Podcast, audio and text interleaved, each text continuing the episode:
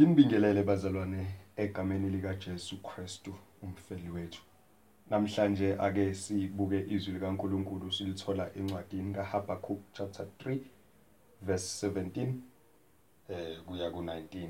Habakuk eh chapter 3 verse 17 kuya ku19 kufundeka kanje. Noma umkhiwane unge ungakhahleli kungabikho izithelo emvinini umsebenzi womnqumo uphuthe amasimu angavezi ukudla izimvu zinqunywe esibayeni kungabikho nkomo ezibayeni. Nokho mina ngiyakuthokoza ngoJehova ngijabulele uNkulunkulu wokusindiswa kwami. uJehova uyinkosi yami ungamandla ami.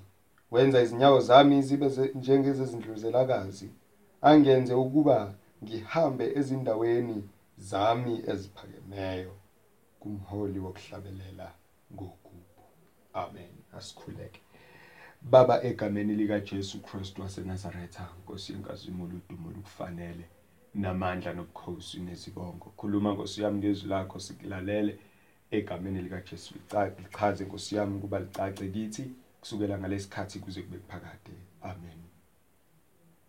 Bazalwane la esifunda khona sifunda indaba mhlawumbe abaningi abayaziyo ejayele ukucashunwa kakhulukazi abantu uma bekhuluma uma ethi eh uHabakuk noma umvini ungekhahlela eh kungabikho izithelo emvinini umsebenzi womnqumo uphuthe kodwa uma esethi ngozithokozisa ngoJehova noma ngiyokuthokoza eh ngoJehova kulamazwi abantu abayele bawacaphune kakhulu ukuthi masizithokozise ngoJehova. Ikona engifisa ukuba sikhulume ngakho namhlanje ukuthi asizithokozise bazalwane ngoJehova.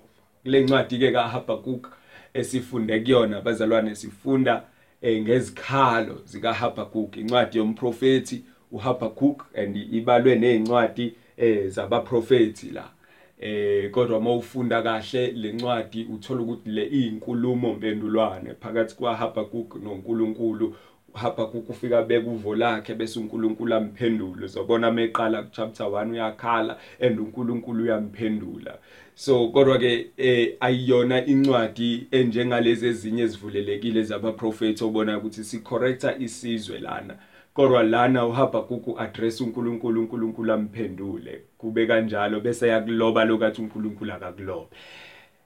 Noma kunjalo ke bazalwane eh lencwadi lena ke sithi incwadi yomprofeti futhi nayo it's a prophetic book ngoba uma ufunda ku chapter 1 verse 1 uzothola ukuthi uHabakuk kwakuwumprofeti na ku chapter 3 futhi u verse 1 uyachaza futhi lokho. Habakuk ke ubhala lencwadi bazalwane ngenxa yokubona ububi obukhuphukayo kaJuda. Noma kungabhekile la kodwa mawubheka umlando noma isetting yale ndawo uzokuthola lokho ukuthi kwakunobubi obakhuphuka ebuka uHabakuk ububi obenzakalayo. Abantu besizwe saNkuluNkulu noma abantu bakaJuda babekhonza uBhali beziphatha njengabantu abangenamthetho benza iminikelo ngabantwana babo benikela esithombeni umoloki umnikelo wokushisa beshisa abantwana babo eh benikela ngabantwana babo. Lokhu uNkulunkulu abayala ngako uma ezobayisa ezweni lesithembiso uthi uma nifika ke laphana ningakwenzi nina lokho ukuze kubonakale ukuthi ningabantwana bakaNkulunkulu. Abantu ke laba bakwaIsrael abantu laba isizwe sikaNkulunkulu siyayikhohlwa ileyo mthetho uNkulunkulu ayibekile. Ingakho uHabakuk ekhala ukuthi inkosi ungiboniselana okubi uma ungazuphendula na?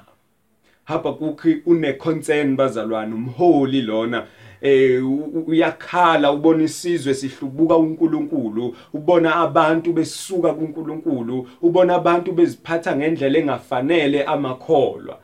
Sebuyela kuNkulunkulu uthi inkosi kuyoze kube yinini ngikhala kuwe? Ungangiphenduli mawufunda lokho ku chapter 1 and uma ebeka lolo daba lolo uNkulunkulu uyamphendula uthi hayi weHabakuk ngikuzwile ukhala. Hayi weHabakuk ngikulalelile ngakuzwa and ngiyaphendula. Impendulo yami awuzukuyikholwa noma bekutshela ukuthi ngivusa ubuholi bangaleso sikhathi ngivusa ipolitiki yangaleso sikhathi ukuthi ngibile nalabantu abenza okubi.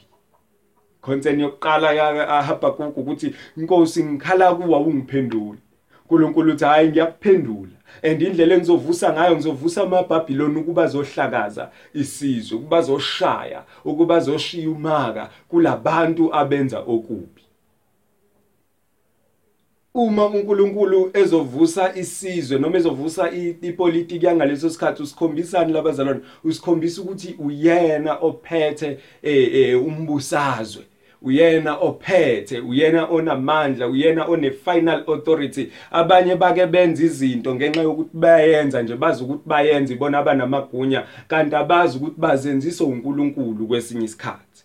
Now uHabakuk ke bazalwane use banenkinga futhi la. Yesibili ukuthi uNkulunkulu kwenza kanjani lokho indaba uNkulunkulu avuse isizwe esimbi esinonya isizwe esibulalayo futhi naso esigcwele izono naso esidinga ukuphanishwa ukuba phanisha abantwana bakhe. Na uNkulunkulu njani kanti uma evusa izizwe waye efuna ukushaya olungileyo nongalungileyo nongalungile kanye kanye. Indaba uNkulunkulu avuse lesizwe ngoba mevusa lesizwe kusho ukuthi namakholo azoshayeka. Mevusa lokhu ukuthi kwenzeke kanje kuzobangwa lo mbuso kusho ukuthi kuzoba khona abantu abasindisiwe noma abantu abagcina umthetho kaNkuluNkulu abazolimala balahlekelwe yimpilo zabo lana. Kuzoshayeka nabantu abangangene. Nakho kuphutha noma kufa umuntu okholwayo nongakholwa. uNkulunkulu kwenza kanjani lokho? Uthi uNkulunkulu Habakuk okholwayo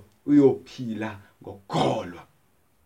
Lokhu akuba amazwi eh avamile ukwezwa ngoba na kwiTestament elisha siyawathola lawo mazwi uma sifunda izwi likaNkuluNkulu kuPhilip eh noma uma sifunda izwi likaNkuluNkulu kwabaseRoma eh yes kwabaseRoma 1 verse 17 uzokuthola lokho ukuthi okholwayo uyophila ngokukholwa kanjalo naku Galatians chapter 3 verse 11 uzokuthola lokho bazalwane. So uNkulunkulu ubuyisa ithemba ke kuhamba ukuthi hayi wehamba kuku nokho zonke izizwe zifanele ukuphanisha ngoba zenze kabi kuNkulunkulu. Kodwa ke ngivuse lokhu and futhi ke okholwayo uyophila ngokukholwa. Eh olungileyo uyophila ngani? Ngokukholwa. So injalo indaba mebhala la kuHabakuk chapter 1 chapter 2 and la ku chapter 3 la sikhona ke bazalwane sifunda indaba ehlukile. Sithola ngoHabakuk omunye sifunda ngoHabakuk omusha. Engathi uHabakuk osekholwa ingathi lo munye ubengakholwa kanti kusawuHabakuk oyedwa obekholwa bazalwane ningangizwa kabi. Lo Habakuk ke bazalwane ku chapter 3 usethi kuHabakuk manje nkosiyami ingazi ukuthi ngiquestionile indlela yokwenza kwakho. Nkosi yami ingathi ngiquestionile eh amandla akho nokubuka nokwenza kwakho. Kodwa into engiyiqondayo ukuthi wena uNkulunkulu omdala uNkulunkulu wayekhona osakhona namhlanje na obonayo nowaziyo. Ngakho ke icebo lakho malifezeke. Habakuk menza kanje ungikhumbuza uJona uJobe bazalwane yes. Impilo kaJobe yayilusizi ngasekuqaleni kwaze kwafika la khona isikhathi naye semkhweshini uNkulunkulu kodwa ngasekugcineni uthi ngokuba ngiyazi ukuthi icebo lakho lingephikiswe. Ilento kuHabakuk aseyenza la ku chapter 3 ngazi ukuthi uyaphenduka. Ingakho sifunde lamagama ke abaleke kangaka na famous kangaka ukuthi eh nanoma umkhiwane ungakhahleli kungabikho izithelo emvinini umsebenzi womnqumo uphuthe amasima angavezi ukudla izimvu zinqunywe esibayeni kungabikho nkomo ezibayeni. Nokho mina ngiyakuzithokozisa ngoJehova. Into afuna ukuyisho lana eh uHabakuk ukuthi sekwenzeka konke lokho kuyicebo likaNkuluNkulu. Sekenzeka ngalendlela uNkulunkulu afuna ukuthi kwenzeke ngako. Mina ngingaboni ukuthi kwenzeka icebo likaNkuluNkulu noma mina kade ngithandabuza kodwa manje sengiyaguquka manje sengiyathemba fully kuNkulunkulu ukuthi makwenzeke intando yakhe. Makwenzeke lokhu akufisayo. Kusho ukuthini lokhu bazalwane na? Uke waba noma uke wayiphila impilo yakho waze wasibona ukuthi eh indlela ophila ngayo ayisayenzi sense. Wazi wabona ukuthi injabulo wena ngathi awuyibekelwe.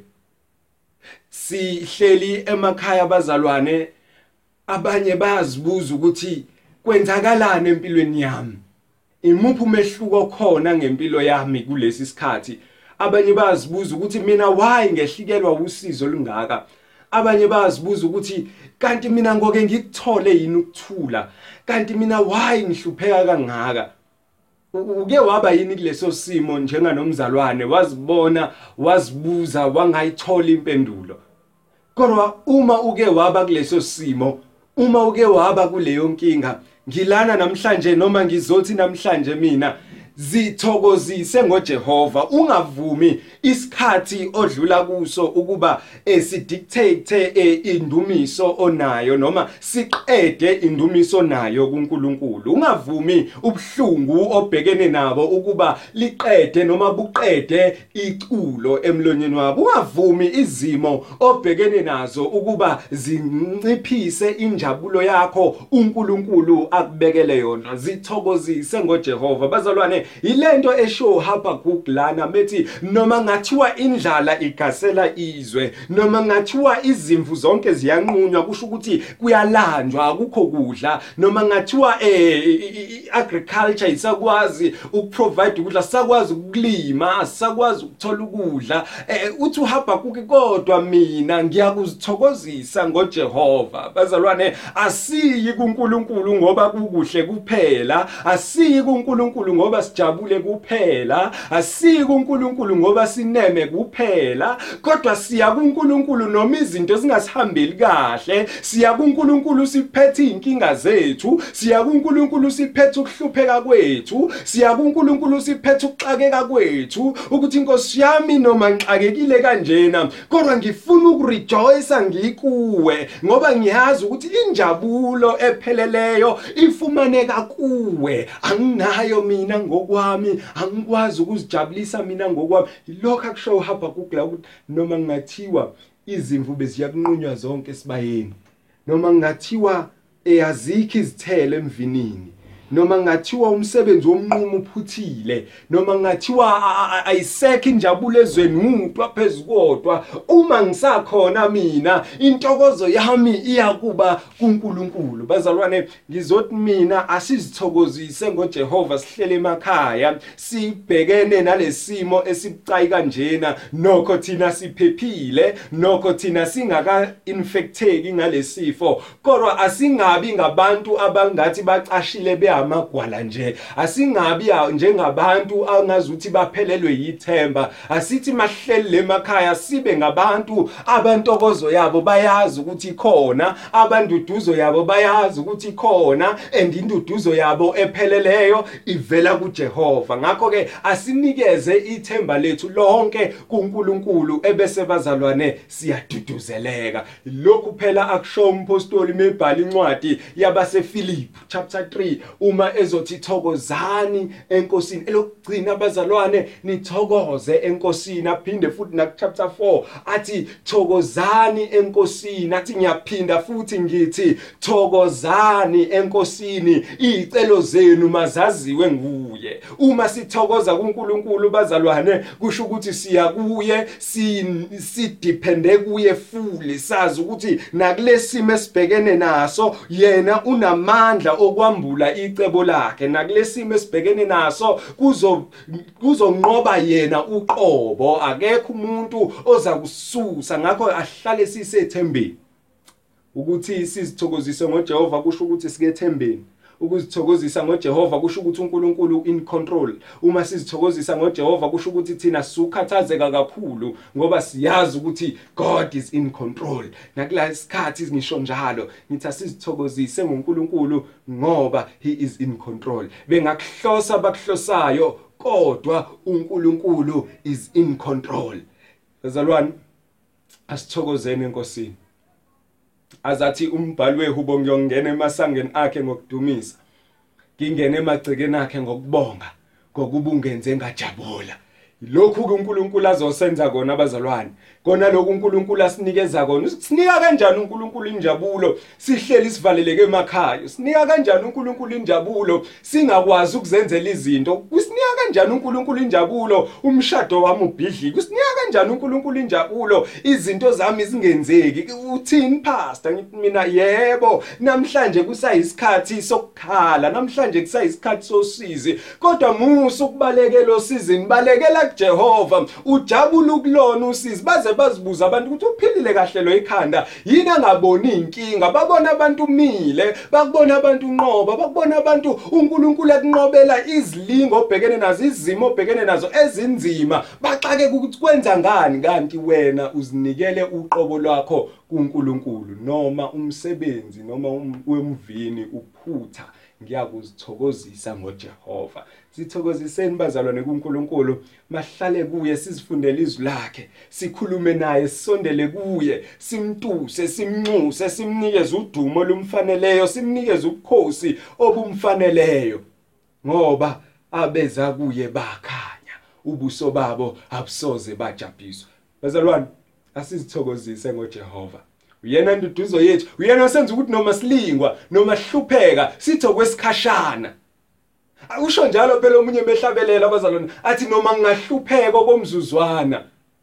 Osiyami ngiyazi ukuthi uJesu ufanelwe ubukhosi yena ngoba wanqoba wasifela thina. Sizithokoza ngoJehova nje ngoba siyazi ukuthi okuwesu sasinqobela kona.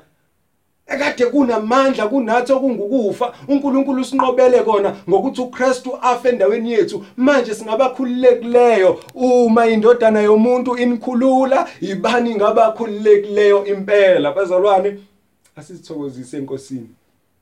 Asizithokozise enkosini. Singabheki izimo esidlula kuzo. Singabheka abantu ukuthi bathini ngathi singabheka ukuthi izimo zithini singabuka ukuthi sihlupheka kangakanani size silahlekele udumo ekufanele silinikeze uNkulunkulu. Asizithokozise ngoJehova. Isikhathi sona leso sokuthi yebo kade sizithokozisa sigcwele emabandleni si impintshene kunjalo sikwazi ukukhuleka sindawonye kube mnandi kunje. Kodwa ke akungalahleki ke lokho ngoba nakho sesisodwa emakhaya. Asiqhubeke. Lihubo hube ihubo ukuhleze ekhaya. Khuleka uhleze ekhaya. Funda izwi likaNkuluNkulu uhleze ekhaya. Fakaza khona ekhaya. Zithokozise ngoJehova. Ngoba kasoza kushiya hlale nawe uhleze nawe. Inguna phakade lo myalezo enginawo namhlanje ukuthi masizithokozise ngoJehova oyinsindiso yethu oyidwala lethu. Ngakho umbhalo wehubo ethi ngiyakubuyela kuNkulunkulu ngithi idwala lami. Ungikhohleleni na? Yini ngihambe ngilila? Asathi inhliziyo yami methemba uNkulunkulu musukudangala methemba uNkulunkulu ngoba ngiseza kumdumisa ngizothi mina zithokozise ngoJehova ngoba lesi sikhathi siseza kudlula. And sisazombuyisa sizobuyela endlini kaNkulunkulu simdumise sihube ngentokozo simnikeze ngoba intokozo isesandleni sakhe. Nokugcwala kwenjabulo kusesandleni sakhe namuhla nasekuphakadeni asizithokozise ngoJehova bazalwane. Nkosi yomusa imbusise hlale njalo simkhonza simdumisa ngobufanele udumo nesibongo kusukela ngalesikhathi kuze kube kuphakade. Amen. Asikhuleke. Baba wethu namandla onke egameni lika Jesu siza kuwe. Siza kuwe malusi wethu nezinhliziyo ezidangele siza kuwe Nkosi yami. Nokholo Nkosi yami kwesinye isikhathi oselingathi liyantengantenga. Siza kuwe Nkosi yami noqobo lwethu. Siza kuwe Nkosi yami nezinkinga zethu. Nokwahluleka kwethu. Sizwele Nkosi. Sikhulule Nkosi. Silaphe mongcwele. Lapha isizo sakho. Buyisela kithi ukujabula. Buyisela kithi intokozo. Buyisela kithi ukuhlala nokwenama kuwe. Egameni lika Jesu sakhe singcwelise ngalesikhathi manjena usibusise kuze kube kuphakade ngokuba wena ufanele udumo nezibongo namandla nobukhosi. Vuselela nkosi yami abazalwane bakho vuselela ibandla lakho uliphe ukuthula nokujabula nokwenama kusukela ngalesikhathi kuze kube kuphakade. Siphe ngosiyami ukuthokoza nokujabula sikuwe. Phezukwa izinkinga zonke sibhekene nazo kodwa sibuke kuwe njenganenkosi nomsindisi wokholo lwethu. Thatha na ngithatha manje udumo kuze kube kuphakade ngoba kufanele ngoJesu Kristu inkosi. Amen.